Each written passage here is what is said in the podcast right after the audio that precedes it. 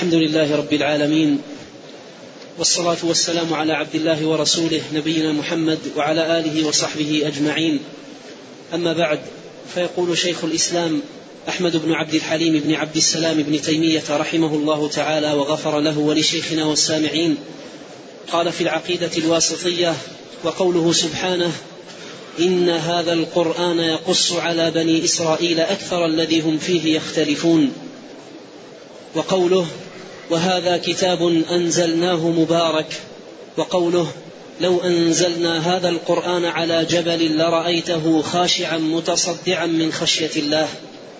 وقوله وإذا بدلنا آية مكان آية والله أعلم بما ينزل قالوا إنما أنت مفتر بل أكثرهم لا يعلمون. قل نزله روح القدس من ربك بالحق ليثبت الذين آمنوا وهدى وبشرى للمسلمين. ولقد نعلم أنهم يقولون إنما يعلمه بشر لسان الذي يلحدون إليه أعجمي وهذا لسان عربي مبين. الحمد لله رب العالمين وأشهد أن لا إله إلا الله وحده لا شريك له وأشهد أن محمدا عبده ورسوله صلى الله وسلم عليه وعلى آله وأصحابه أجمعين. أما بعد لما بين المصنف رحمه الله تعالى العقيدة في كلام الله عز وجل وأن الله سبحانه وتعالى موصوف بالكلام وأنه يتكلم متى شاء بما شاء وأن كلامه سبحانه وتعالى أصدق الكلام وأحسن الكلام. وذكر ما يتعلق بذلكم من تفاصيل في ضوء الآيات التي ساقها رحمه الله تعالى تبيانا لذلك وتقريرا.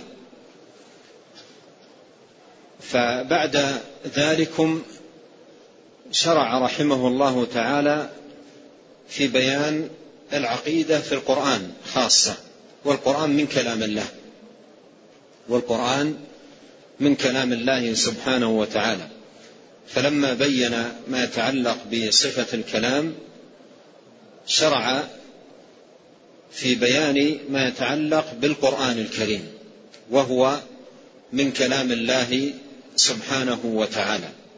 فساق رحمه الله تعالى آيات من كتاب الله تبين مكانة القرآن وعظمته وأنه مهيمن على الكتب التي قبله وأنه حكم وفصل فيما وقع من خلاف في أتباع الأنبياء في أنواع القضايا والمسائل وأنه فيه هداية البشر وصلاح الناس وسعادتهم في دنياهم وأخراهم وأنه منزل من رب العالمين نزل به الروح الأمين عليه السلام على قلب نبينا محمد صلى الله عليه وسلم ليكون من المنذرين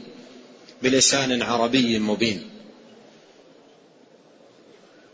فساق رحمه الله تعالى جملة من الآيات في بيان ذلك يعني في بيان العقيدة في القرآن الكريم.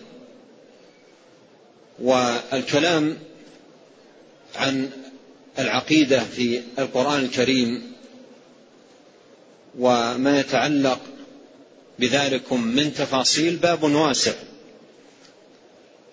ولكن لما كانت هذه الرسالة رسالة مختصرة اقتصر رحمه الله تعالى على ذكر بعض الآيات فيما يتعلق بعقيدة المسلم في كتاب الله جل وعلا. والقرآن كلام الله جل وعلا. من الله بدأ وإليه يعود. وهو سبحانه وتعالى هو الذي تكلم به لا غيره. فهو كلامه عز وجل. وأينما توجه القرآن يبقى كلام الله سواء حفظ في الصدور أو كتب في السطور أو تلي بالألسن أو سمع بالآذان أو رؤي في المصاحف بالأعين فأينما توجه فهو كلام الله. لأن الكلام ينسب ويضاف إلى من تكلم به ابتداء لا ينسب إلى ناقله ولا يعد كلاما لناقله. وهذا أمر معروف لدى الناس وليس بخاف عليهم. فمثلا لو أن انسانا قال إنما الأعمال بالنيات وإنما لكل امرئ ما نوى ثم ذكر الحديث بتمامه هل لكونه ذكر هذا الحديث يعد كلاما له؟ وإذا أراد سامعوه أن ينسبوه ينسبونه له أو أنه ينسب إلى من قاله ابتداء وهو الرسول الكريم عليه الصلاة والسلام. وهذه الكلمة إنما الأعمال بالنيات سواء قالها قائل أو كتبها كاتب أو سمعها سامع فهي في كل أحوالها تبقى كلاما لمن؟ لمن؟ للرسول عليه الصلاة والسلام هو الذي قال ذلك. فأينما توجهت هذه الكلمة تبقى كلاما لمن قالها ابتداء. فالكلام وهذا أمر متقرر وأصل ثابت ينسب إلى من قاله ابتداء. ولهذا السلف قاطبة أجمعوا على ذلك وأن القرآن كلام الله منه بدأ وإليه يعود. وهذه الكلمة منه بدأ وإليه يعود نقلت من الصدر الأول. سمعت من بعض أصحاب النبي عليه صلوات الله وسلامه وسلامه ورضي الله عن الصحابة أجمعين. وقد جاء عن عمرو بن دينار رحمه الله وقد أدرك بعض أصحاب النبي عليه الصلاة والسلام أنه قال أدركت مشايخنا أدركت مشايخنا منذ سبعين سنة. أدركت مشايخنا منذ سبعين سنة يقولون القرآن كلام الله منه بدأ وإليه يعود وهو أدرك بعض الصحابة. وقوله منذ سبعين سنة إشارة إلى أن هذه الكلمة ماضية ولا سيما أنه يتحدث عن الصدر الأول وعن خير القرون. فهذه المرحلة الزمنية الممتدة التي شهدها وسمع فيها من الشيوخ وأهل العلم وممن سمع منهم من الصحابة رضي الله عنهم وأرضاهم كلهم على ذلك. منه بدأ وإليه يعود. ومعنى قولهم منه بدأ أي من الله. منه بدأ أي من الله أي هو الذي تكلم به.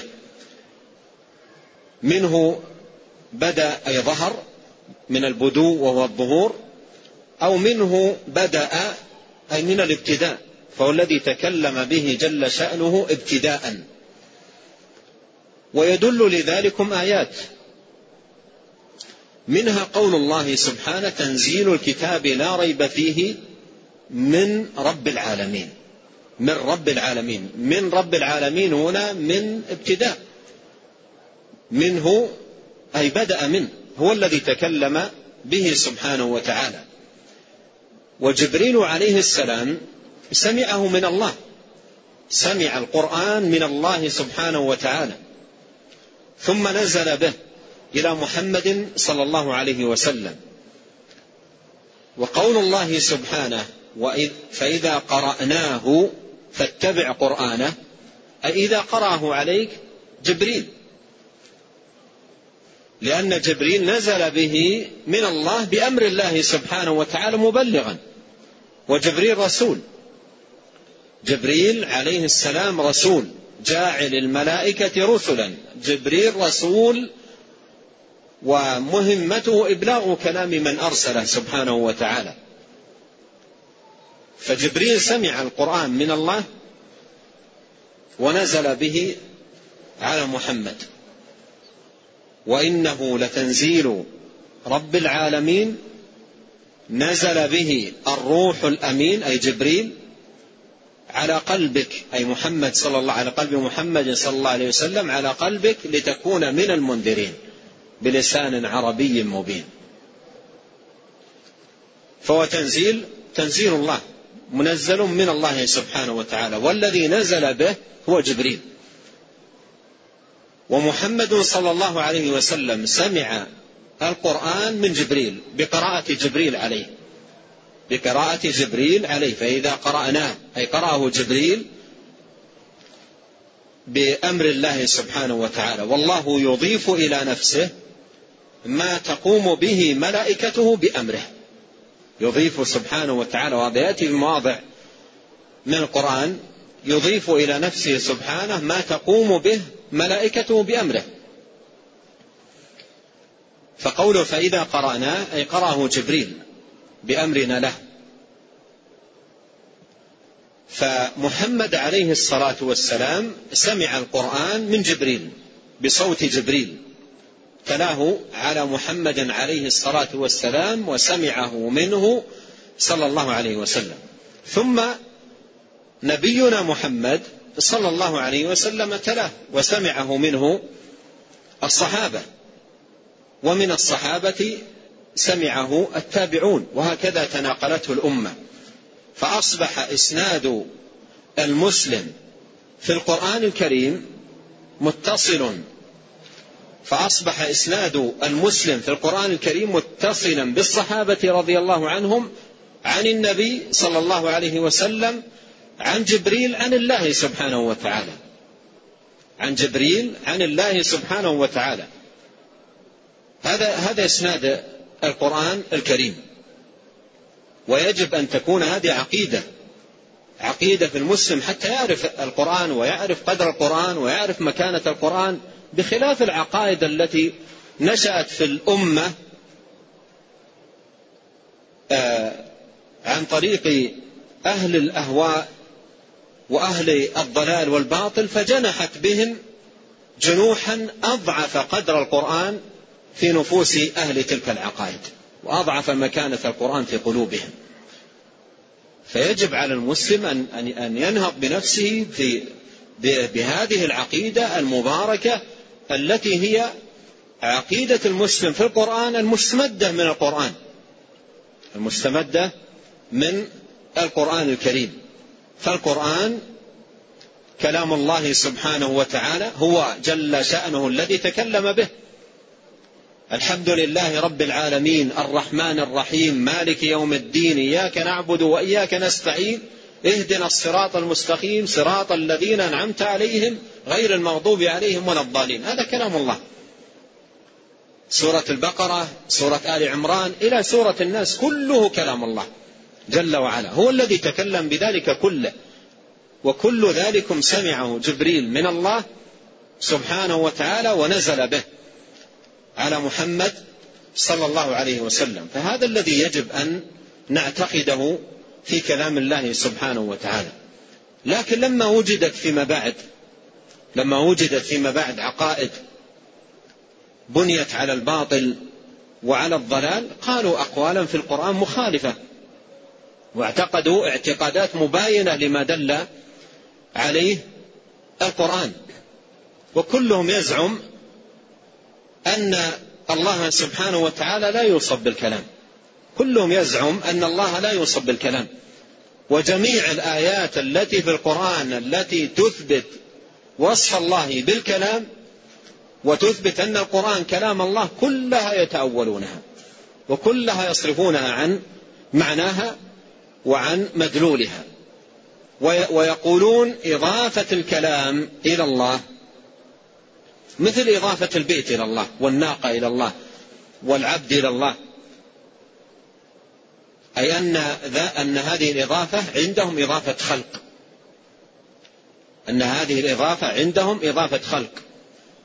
ومعنى ذلكم أن هذا القرآن الذي في المصاحف ليس كلاما لله تكلم به سبحانه وإنما هو مخلوق من مخلوقات الله. تعالى الله عما يقولون. وتفاوت هؤلاء في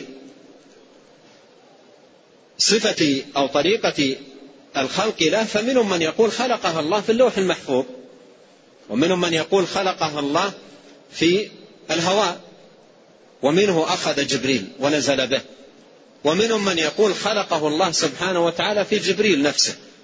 ومنهم من يقول خلقه الله في محمد صلى الله عليه وسلم. وهذا كله كلام باطل افتراء على الله سبحانه وتعالى وعلى كلامه سبحانه وتعالى. ولهذا يقول شيخ الإسلام ابن تيمية رحمه الله يقول رحمه الله فمن قال إنه أي القرآن فمن قال إنه منزل من بعض المخلوقات فمن قال إنه منزل من بعض المخلوقات كاللوح والهواء فهو مفتر على الله. فمن قال إنه منزل من بعض المخلوقات كاللوح أي اللوح المحفوظ والهواء فهو مفتر على الله مكذب لكتاب الله. فهو مفتر على الله. مكذب لكتاب الله متبع لغير سبيل المؤمنين. متبع لغير سبيل المؤمنين. ويقول الحافظ بن حجر في كتابه فتح الباري يقول والمنقول عن السلف اتفاقهم على أن القرآن كلام الله غير مخلوق تلقاه جبريل عن الله وبلغه جبريل إلى محمد عليه الصلاة والسلام وبلغه صلى الله عليه وسلم إلى أمته. وبلغه وبلغه صلى الله عليه وسلم إلى أمته. ولهذا يجب أن يكون المسلم على حذر من مثل هذه العقائد التي قد تدخل على بعض الأخيار عن جهل. قد تدخل على بعض الأخيار عن جهل لأن بعض الإجازات بعض الإجازات التي يمنحها بعض المجيزين في في القرآن الكريم يوصلون الإسناد إلى اللوح المحفوظ. عن محمد صلى الله عليه وسلم عن جبريل عن اللوح المحفوظ. وهؤلاء دخلت عليهم من حيث يشعرون أو لا يشعرون تلك العقيدة الباطلة. وبعض هؤلاء ليس من أهل هذه العقيدة لكنه لم يتنبه. ولهذا لما نبه تنبه. وبعضهم راسا بادر إلى تغيير ما كان يمنح من إجازات مثل هذه الطريقة فأثبت الإجازة في ضوء ما يعتقده المسلمون في ضوء ما دل عليه كلام الله وكلام رسوله صلوات الله وسلامه عليه وهو عن محمد صلى الله عليه وسلم عن جبريل عن الله. عن محمد عن صلى الله عليه وسلم عن جبريل عليه السلام عن الله. وإنه لتنزيل رب العالمين نزل به الروح الأمين على قلبك لتكون من المنذرين بلسان عربي مبين.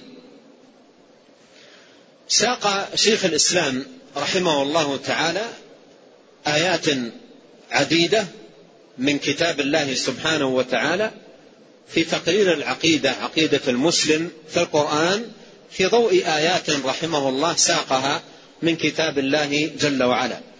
قال آه قال الله تعالى إن هذا القرآن إن هذا القرآن يقص على بني إسرائيل أكثر الذي هم فيه يختلفون. وهذا فيه كون هذا القرآن مهيمن على الكتب السابقة وحكم على ما جاء فيها وفيه فصل الخصومات والنزاع الذي كان في عند من قبلنا واختلفوا اختلافا كبيرا وتباينوا في العقائد وتضاربوا في الآراء فجاء القرآن فيصلا. حتى عقائدهم في في أنبيائهم اختلفت. انظر على سبيل المثال عقيدتهم في عيسى عليه السلام. منهم من اعتقد أنه ابن للإله سبحانه وتعالى ومنهم والعياذ بالله من اعتقد أنه ابن امرأة بغي. عياذا بالله. فجاء القرآن وبين وبين العقيدة في عيسى عليه السلام وبين أن أمه لم تك بغية وأن مثله كمثل آدم خلقه الله سبحانه وتعالى من تراب بين العقيدة الصحيحة في عيسى عليه السلام وأوضحها تمام الإيضاح. فجاء هذا القرآن يقص على بني إسرائيل أن يبين لهم ويوضح آه، ما كانوا فيه يختلفون. فكان فيصلا وحكما. فمما ينبغي أن يعتقد في آه، كتاب الله سبحانه وتعالى أنه خاتم الكتب المنزلة فلا كتاب بعده وأنه مهيمن على الكتب التي قبله ومهيمن وحاكم وفيصل ومبين لما اختلف فيه من قبلنا وأنه بعد نزول القرآن لا يجوز التعويل على أي كتاب إلا على هذا الكتاب. لا يجوز التعويل على أي كتاب قبله. حتى قال عليه الصلاة والسلام لما رأى بيد أحد أصحابه قطعة من التوراة قال والله لو كان موسى حيا ما وسعه إلا اتباعي. ما وسعه إلا اتباعي. وعيسى عليه السلام عندما ينزل حكما عدلا في آخر الزمان لا يحكم بالإنجيل يحكم بالقرآن. لا يحكم بالإنجيل وإنما يحكم بالقرآن. فابن تيمية رحمه الله أشار بهذه الآية إلى ما ينبغي أن يعتقد في القرآن من هذه الجهة. ثم أورد قول الله سبحانه وهذا كتاب أنزلناه مبارك وهذا الإشارة إلى القرآن الكريم كتاب أنزلناه مبارك. فمما يعتقد في القرآن في ضوء هذه الآية أنه كتاب منزل كتاب منزل والنزول من علو فهو منزل من الله سبحانه وتعالى فالعقيدة في القرآن أن نعتقد أنه كتاب منزل نزل من الله تكلم الله سبحانه وتعالى ونزل به جبريل. كما يوضح ذلكم الآية التي مر ذكرها قريبا وإنه لتنزيل رب العالمين. نزل به الروح الأمين. وقولة تنزيل الكتاب لا ريب فيه من رب العالمين. فالعقيدة في القرآن أنه كتاب منزل وكذلكم أنه كتاب مبارك. أنزله الله سبحانه وتعالى كتابا مباركا. أي عظيم البركة عظيم الخير.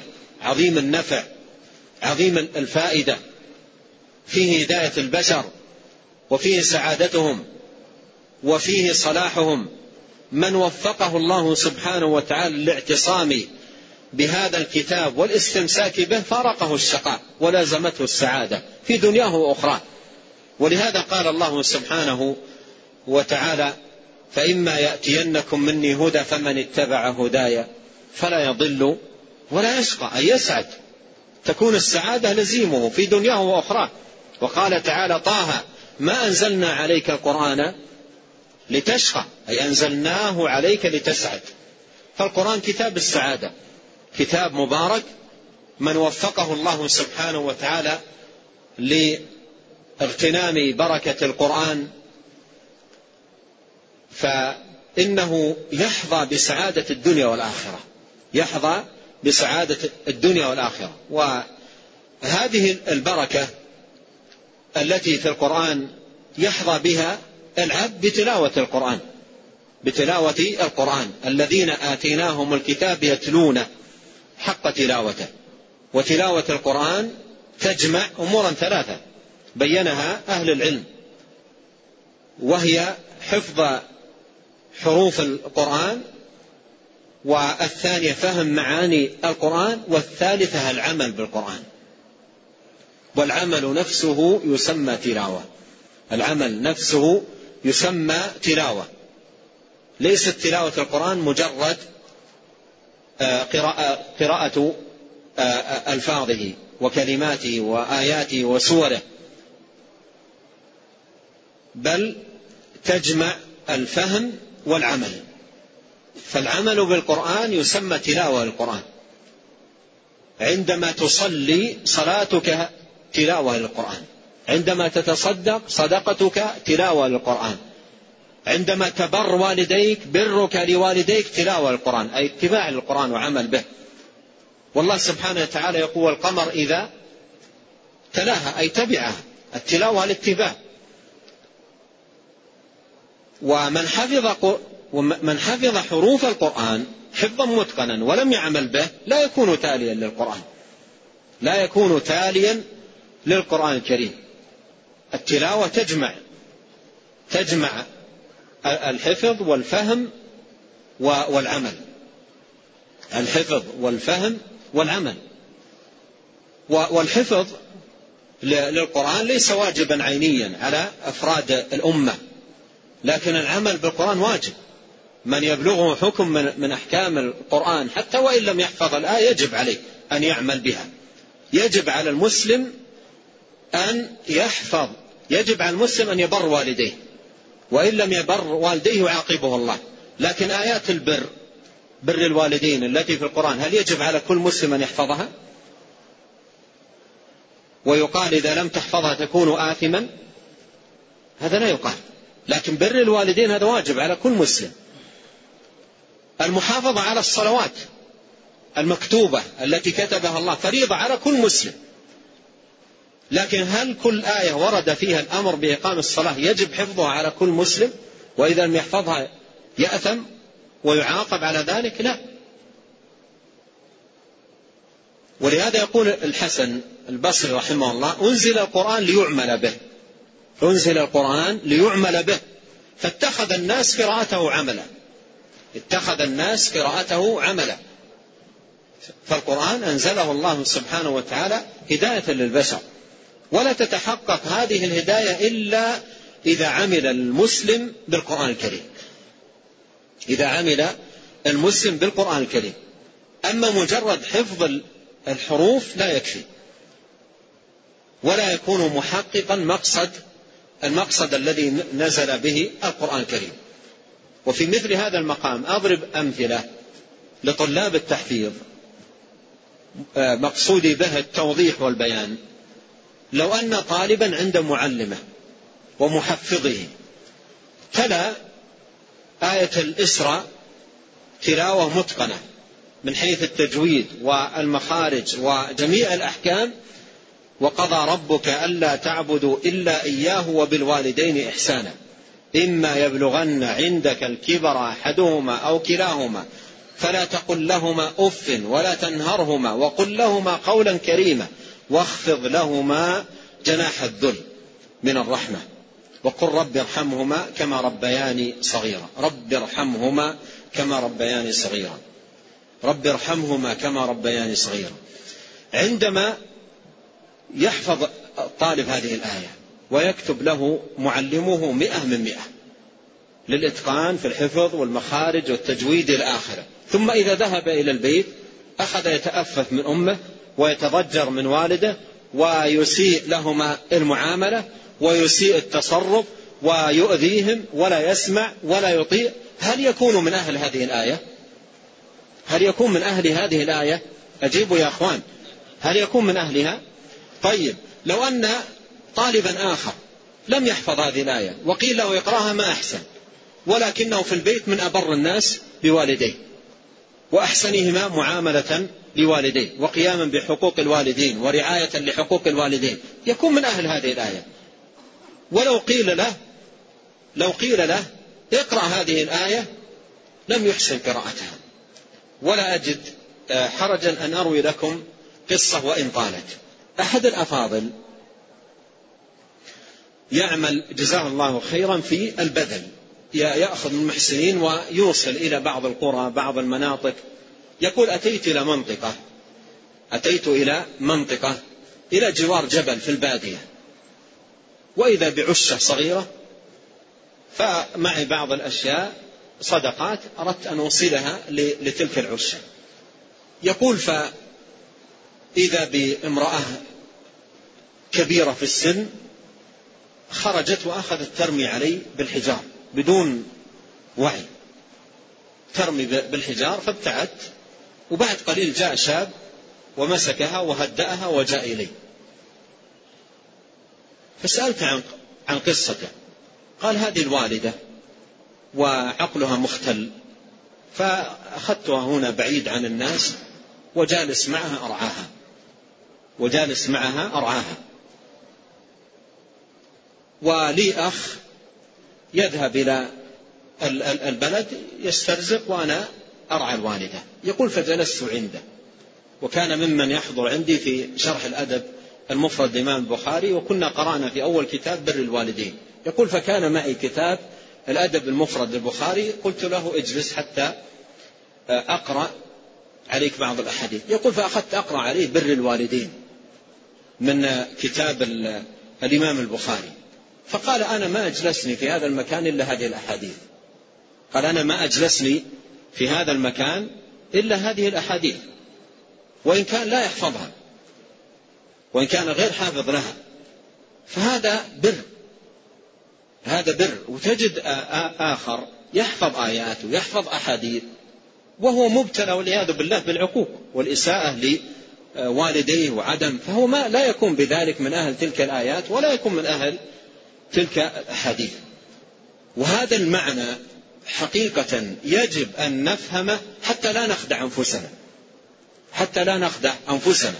بحفظنا لبعض الآيات أو حفظنا ببعض الأحاديث ثم نوهم أنفسنا أننا بحفظنا لها أصبحنا من أهلها أصبحنا من أهلها وواقعنا يخالفها وواقعنا يناقضها. يوجد أحيانا أناس يحفظون آيات وأحاديث واضحة لهم بينة لكنهم ينامون عن الصلوات المكتوبة. ينامون عن الصلاة المكتوبة التي كتبها الله سبحانه وتعالى على المسلم والمسلم خمس مرات في اليوم والليلة. وبالمقابل ترى عوام لا يحفظون شيء من هذه الأحاديث ولا يمكن أن يفوت شيئا من من هذه الصلوات. فالشاهد أن العمل بالقرآن تلاوة القرآن. العمل بالقرآن تلاوة القرآن. وبمجرد تلاوة الحروف لا يعد تاليا للقرآن ما لم يعمل بالقرآن الكريم. فالقرآن كتاب مبارك كتاب مبارك عظيم البركة. وهذه البركة إنما ينالها العبد إذا أكرمه الله سبحانه وتعالى ومن عليه بأن كان من أهل القرآن حقا وصدقا. ثم أورد شيخ الإسلام ابن تيمية رحمه الله تعالى آآ آآ ثم أورد شيخ الإسلام ابن تيمية رحمه الله تعالى قول قول الله عز وجل لو أنزلنا هذا القرآن لو أنزلنا هذا القرآن على جبل لرأيته خاشعا متصدعا من خشية الله. لو أنزلنا هذا القرآن على جبل لرأيته خاشعا متصدعا من خشية الله. أي من تأثره بسماعه للقرآن لو كان القرآن أنزل على جبل. والجبل حجر أصم صلب. لكنه بهذه الصفة لو, لو, أنزل, لو أنزل الله سبحانه وتعالى عليه القرآن. وإن منها لما يهبط من خشية الله. فهذا بيان لعظم تأثير القرآن. تأثير القرآن. وهو أيضا يبين للمسلم يبين للمسلم أن الواجب عليه أن يتيقظ وأن يحرص على تحريك قلبه حتى ينتفع حقا وصدقا بهذا القرآن وحتى يتأثر بهذا القرآن وحتى يكون لهذا القرآن الأثر عليه. قال لو أنزلنا هذا القرآن على جبل لرأيته خاشعا متصدعا من خشية الله. ويراجع في هذا كتاب مفتاح دار السعادة لابن القيم رحمه الله. وفي مفتاح دار السعادة تكلم عن المخلوقات ومما تكلم عنها الجبال ومما تكلم عنه الجبال وخلق الله سبحانه وتعالى لها فليراجع ذلك الموضع من مفتاح دار السعادة ففيه فوائد ثمينة تتعلق بهذا المعنى. قال وقال وقول الله تعالى وإذا بدلنا آية مكان آية. وإذا بدلنا آية مكان آية والله أعلم بما ينزل قالوا إنما أنت مفتر. هنا يذكر سبحانه وتعالى ما يقوله الكفار آه، المشركون خصوم النبي عليه الصلاة والسلام وأعداء دعوته أنه عندما يبدل سبحانه وتعالى آية مكان آية. وهذا ما يعرف بالنسخ. عندما تأتي آية تنسخ آية أو تنسخ تنسخ حكما. جاء في آية ويأتي حكم آخر. آه، لحكمة أرادها سبحانه وتعالى. يقول الله وإذا بدلنا آية مكان آية. إذا أنزل الله سبحانه وتعالى آية تشتمل على حكم ينسخ. حكما سابق جاء في آية قبلها. يقول والله أعلم بما ينزل. والله أعلم بما ينزل يعني من أحكام سبحانه وتعالى.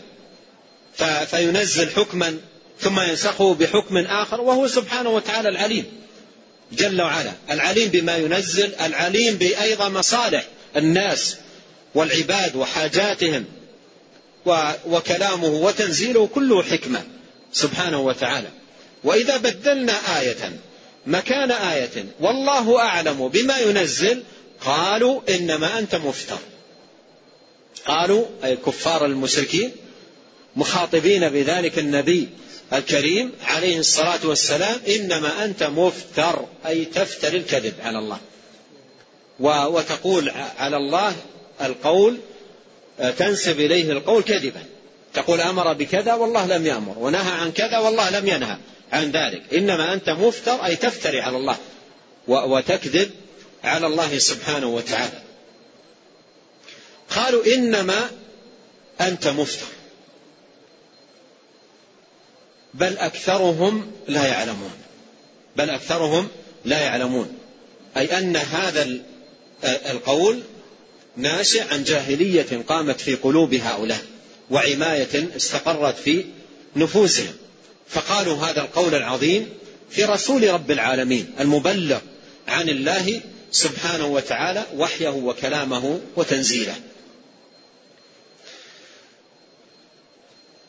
قل نزله يعني قل ردا على قل أيها النبي ردا على هؤلاء في قولهم الباطل وكلامهم القبيح قل ردا عليهم نزله روح القدس روح القدس من ربك.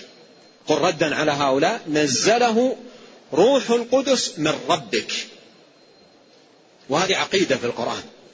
أمر الله سبحانه وتعالى نبيه صلى الله عليه وسلم أن يقولها وأن يعلنها وأن يصدع بها ردا على هؤلاء المفترين الكاذبين على النبي الكريم صلوات الله وسلامه عليه.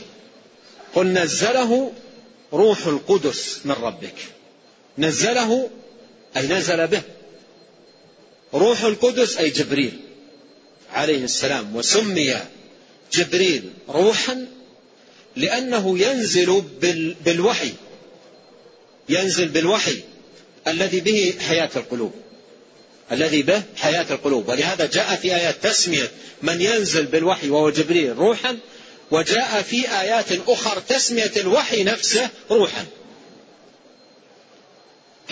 كما قال الله سبحانه وتعالى وكذلك أوحينا إليك روحا من أمرنا. وكذلك أوحينا إليك روحا من أمرنا. فهنا المراد بالروح القرآن. وهنا في, في هذه الآية التي ساق المصنف نزل نزله روح القدس. المراد بالروح هنا جبريل. فسمي جبريل روحا لأنه ينزل بالقرآن الذي فيه, فيه الحياة. وسمي القرآن روحا لأن به حياة القلوب. أو من كان ميتا فأحييناه. يا أيها الذين آمنوا استجيبوا لله وللرسول إذا دعاكم لما يحييكم. فالقرآن كتاب حياة. لا حياة للعبد إلا بالقرآن. لا حياة للعبد إلا بالقرآن. بدون القرآن يكون الإنسان ميتا ولو مشى على قدميه وحرك يديه وتكلم بلسانه وتحرك إلى غير ذلك هو هو في عداد الأموات. لا حياة إلا بالقرآن. لا حياة إلا بالقرآن. قل نزله روح القدس من ربك. ومن, ومن هنا للابتداء. من, من ربك. فالقرآن منزل من الله. قل نزله.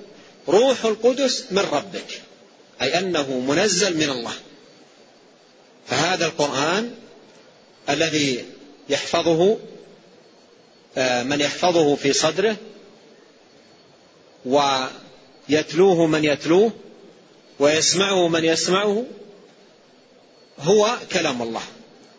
هو كلام الله سبحانه وتعالى. نزله روح القدس من الله. كما قال الله قل نزله روح القدس من ربك بالحق بالحق. وقوله بالحق هذا رد على هؤلاء الذين آه، يعملون على تكذيب الرسول عليه الصلاة والسلام. عندما تنزل آية ناسخة لأخرى فيقول هذا افتراء وهذا كذب فيقول الله سبحانه وتعالى بالحق. فهذا المنزل على النبي عليه الصلاة والسلام كله حق وكله كلام رب, رب العالمين. وقد مر معنا قول الله تعالى ومن أصدق من الله حديثا ومن أصدق من الله قيلا. وكان عليه الصلاة والسلام يكرر في خطبه صلى الله عليه وسلم أما بعد فإن أصدق الحديث كلام الله. وخير الهدى هدى محمد صلى الله عليه وسلم. قل نزله روح القدس من ربك بالحق ليثبت الذين آمنوا ليثبت الذين آمنوا وهدى وبشرى للمسلمين. وهذه من ثمار وآثار القرآن ومنافعه العظام وبركاته. مثل ما مر معنا قبل قليل أنزلناه مبارك من بركات القرآن وخيرات القرآن ومنافع القرآن العظيمة أن الله سبحانه وتعالى نزله ليثبت الذين آمنوا. ليثبت الذين آمنوا. فالثبات على الحق والهدى وعلى ما يرضي الله سبحانه وتعالى لا يكون إلا بهذا الكتاب المنزل. فهو كتاب كتاب أنزله الله سبحانه وتعالى ليثبت الله به الذين آمنوا ليثبت الذين آمنوا وهدى أي في هداية الناس. مثل ما قال الله سبحانه وتعالى في آية أخرى إن هذا القرآن يهدي للتي هي أقوم فهو كتاب هداية. فهو كتاب هداية. يهدي الناس أي يدلهم ويرشدهم إلى أقوم السبل وأحسن الطرق ويوصلهم إلى رضوان الله سبحانه وتعالى وجنات النعيم وهدى وبشرى للمسلمين. وبشرى للمسلمين أن يحملوا هذا الكتاب في هداياته ودلالاته البشارة للمسلمين بكل خير عاجل وآجل. بكل خير عاجل وآجل. فهو كتاب بشارة. بشرى للمسلمين. بماذا؟ حذف المتعلق. قال بشرى المسلمين ولم يذكر. ما قال بشرى لهم مثلا بالجنة. أو مثلا بشرى لهم برضوان الله. أو بشرى لهم بسعادة الدنيا. بشرى لهم بالسلامة من كذا. ما قال. حذف المتعلق. القاعدة عند أهل العلم أن حذف المتعلق تفيد العموم. تفيد العموم. فهو بشارة بكل خير. قال الله تعالى فبشر عباد الذين يستمعون القول فيتبعون أحسنه. بشر عباد. بماذا؟ ما ذكر. ما قال بشرهم بالجنة بشرهم بالنعيم بشرهم بالسعادة بشرهم بكذا. قال بشر عباد. فحذف المتعلق يفيد العموم. أي بشرهم بكل خير وفضل ونعمة عاجلة وآجلة في الدنيا والآخرة. فهو كتاب بشارة. بشرى للمسلمين. وخص ما في القرآن من بشارة للمسلمين الذين هداهم الله للإسلام ومن الله عليهم بالإيمان وآمنوا بهذا القرآن فهو بشارة لهم بكل خير وفضل وسعادة في في الدنيا والآخرة لأنهم هم الذين ehtدوا به. هدايات القرآن هم الذين انتفعوا بها فكانت بشارة القرآن لهم. فهو هدى للمتقين فمن اتقى الله واهتدى بهداية القرآن فاز ببشارة القرآن. أما من لم يهتدي بالقرآن لا يفوز ببشارة القرآن. قال تعالى ولقد نعلم ولقد نعلم أنهم يقولون إنما يعلمه بشر. ولقد نعلم أنهم يقولون إنما يعلمه بشر. إخبار الله سبحانه وتعالى بعلمه بقولهم هذا تهديد هذا تهديد أي أن قولهم هذا وكذبهم وافتراءهم يعلمه سبحانه وتعالى يعلمه سبحانه وتعالى ولا يخفى عليه شيء من من أقوالهم. قال ولقد نعلم أنهم يقولون إنما يعلمه بشر. إنما يعلمه بشر. يعني هذه السور والآيات التي يأتي بها هي من تعليم بشر له ويقول أنه كان يجتمع برجل كان عنده من علم الكتب التي قبل فيلقنه ثم ينسب ذلك آه، إلى الله سبحانه وتعالى. ينسب ذلك إلى الله سبحانه وتعالى. ولقد نعلم أنهم يقولون إنما يعلمه بشر. إنما يعلمه بشر. أي أن هذا القرآن حسب ما عقيدة المشركين الكفار ما هو؟ ما هو حسب عقيدة المشركين الكفار؟ قول بشر. قول بشر. كلام بشر.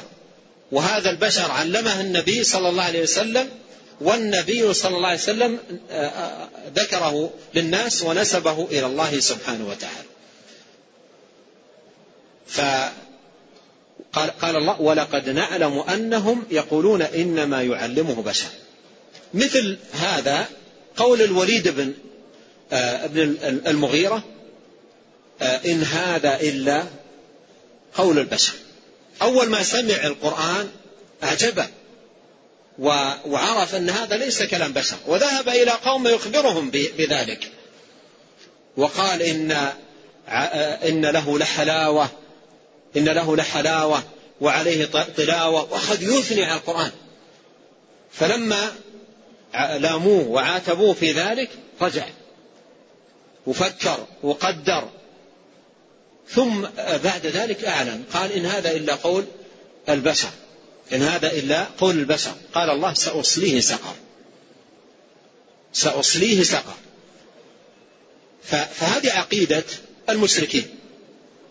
عقيدة المشركين في القرآن أنه قول قول البشر.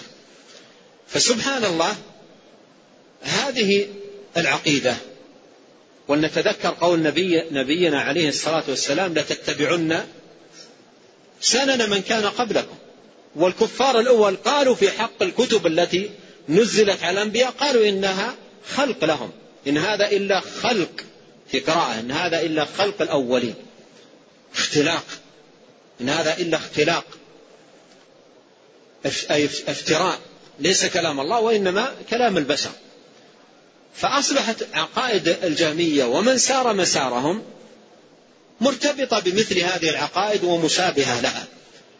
مشابهة لهذه العقائد. عقائد أعداء الأنبياء وأعداء المرسلين. فما للمسلم ولهذه العقائد؟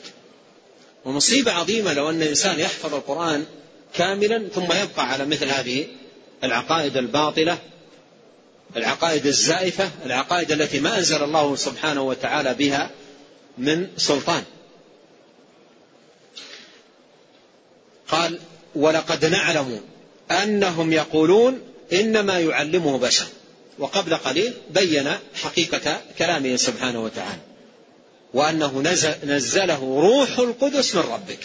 نزله روح القدس من ربك ثم أعقب ذلك بقوله ولقد نعلم أن أنهم يقولون إنما يعلمه بشر. ثم إن هؤلاء لما زعموا أن الذي يعلم النبي عليه الصلاة والسلام بشر كانوا يرمون إلى شخص أعجمي.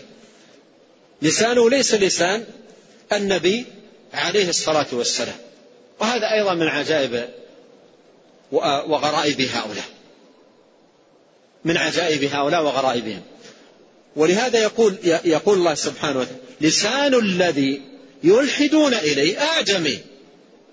لسان الذي يلحدون إليه أعجمي. يعني الذين يقولون أنه يعلم النبي عليه الصلاة والسلام بشر كانوا يرمون إلى شخص أعجمي. إلى شخص أعجمي. لسان ليس لسان عربي. ثم يعلم النبي صلى الله عليه وسلم هذا الكتاب الذي أعيا أعيت فصاحته فصحاء العرب رجل أعجمي. والقوم الذين قالوا هذا الكلام أهل فصاحة. أهل فصاحة أهل بلاغة. يعرفون الفصاحة ويعرفون الكلام. ثم مع ذلك يقولون إنما يعلمه بشر ويرمون بذلك إلى شخص لسانه. ليس لسانا ليس بلسان عربي. فالله يقول بيانا لكذب هؤلاء وافترائهم وتزييفا لقولهم لسان الذي يلحدون إليه أعجمي وهذا لسان عربي وهذا لسان عربي مبين. أي القرآن بلسان عربي. نزله الله سبحانه وتعالى بلسان عربي فهو كتاب باللسان العربي باللسان العربي. فكيف يقال إن هذا من تعليم رجل أعجمي علمه النبي صلوات الله وسلامه عليه.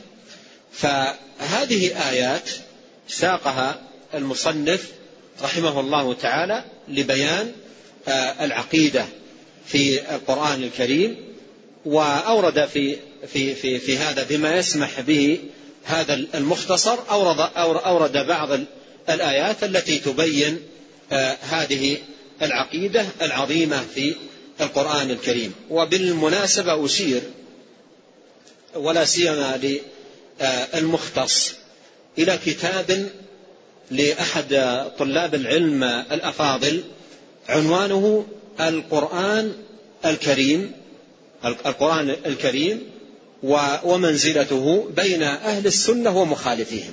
القرآن الكريم ومنزلته بين أهل السنة ومخالفين مطبوع في آه، مجلدين للشيخ محمد آه، هاشم طاهري. الشيخ محمد هاشم طاهري آه، وهو كان رسالة رسالة علمية في قسم العقيدة في الجامعة الإسلامية وطبع في مجلدين وجمع في هذا الباب عن أهل العلم آه، وبوب ورتب وجمع جمعا مفيدا في هذا الباب. فطالب العلم ولا سيما آه، آه، المختص يجدر به أن يستفيد من هذا الكتاب وأيضا من كتب أهل العلم.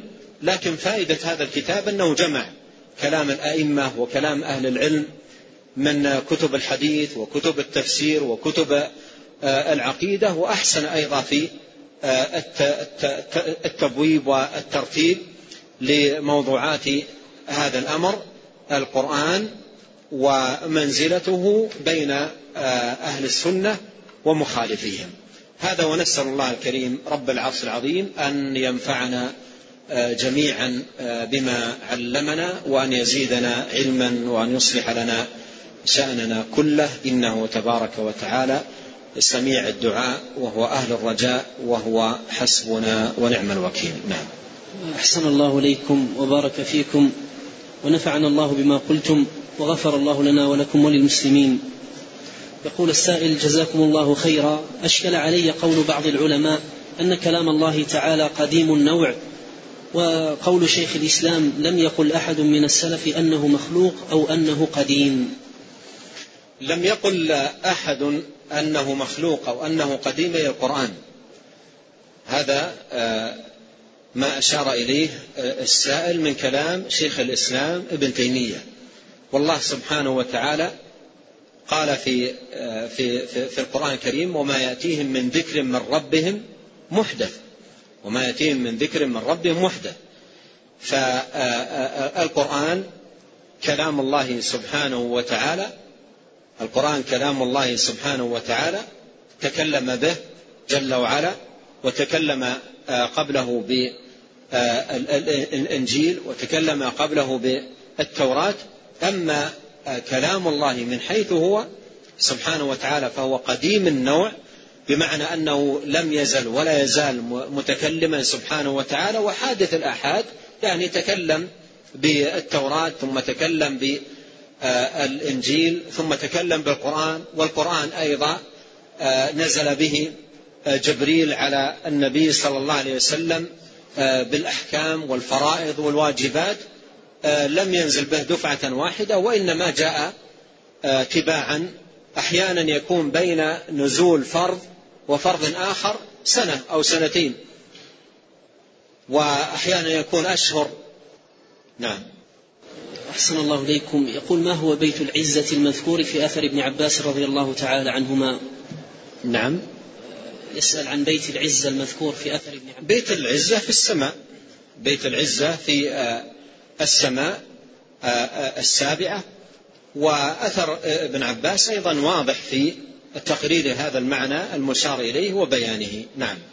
أحسن إليكم يقول هل فيه دليل أن الله كتب القرآن في اللوح المحفوظ قبل أن يتكلم به ثم تكلم به سبحانه؟ نعم. هو القرآن في أم الكتاب في أم الكتاب وجبريل آه، سمع القرآن من الله سبحانه وتعالى ونزل به نزل به آه، إلى النبي الكريم صلوات الله وسلامه عليه. نعم.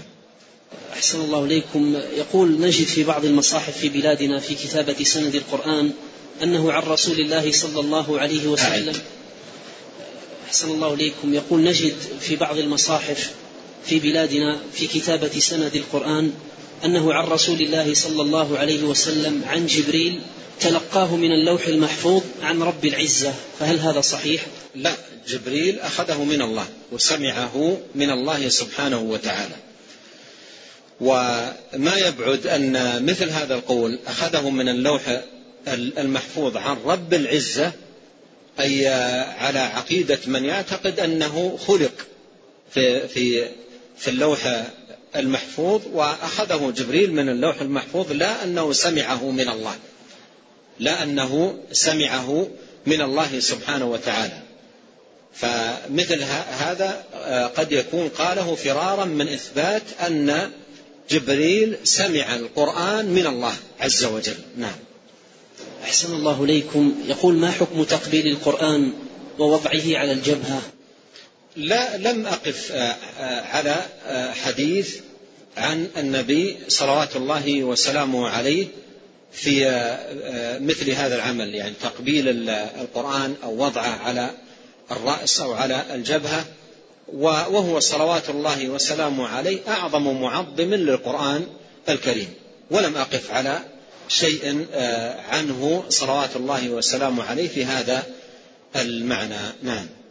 أحسن الله إليكم. يقول وما حكم وضع القرآن على الأرض؟ الأصل أن يعظم القرآن ويحترم. الأصل أن يعظم القرآن ويحترم. ولا يعرض للامتهان أو الوسخ أو نحو ذلك بل يرفع. وفي سنن أبي داود لما قال قال النبي صلى الله عليه وسلم لهم ائتوا بالتوراة. ائتوا لما جيء بها قال جاء في الحديث فوضعت على وسادة. وضعت على وسادة. رفعت على على وسادة يعني لم توضع على الأرض مباشرة. فإذا رفع إذا رفع في مثل حاوية المصاحف أو على وسادة هذا هذا لا شك أدعى لحفظ القرآن وأبعد أيضا عن عن امتهانه. وحتى أيضا عندما يضع الإنسان على رف أو على لا يرميه. لا يرميه رميا. حتى كتب أهل العلم لا كتب العلم وكتب الحديث لا ترمى رميا وإنما توضع باحترام. وأيضا إذا جلس وأمامه مصحف لا يمد قدميه ويكون المصحف عند قدميه وقد مد قدميه. كل هذا ينبغي أن يتجنبه. أيضا لا يجلس على مثل حاوية المصاحف ويكون آه، جالسا وتحته. كل هذه يجب أن يبتعد عنها الإنسان احتراما لكلام الله سبحانه وتعالى وتعظيما له.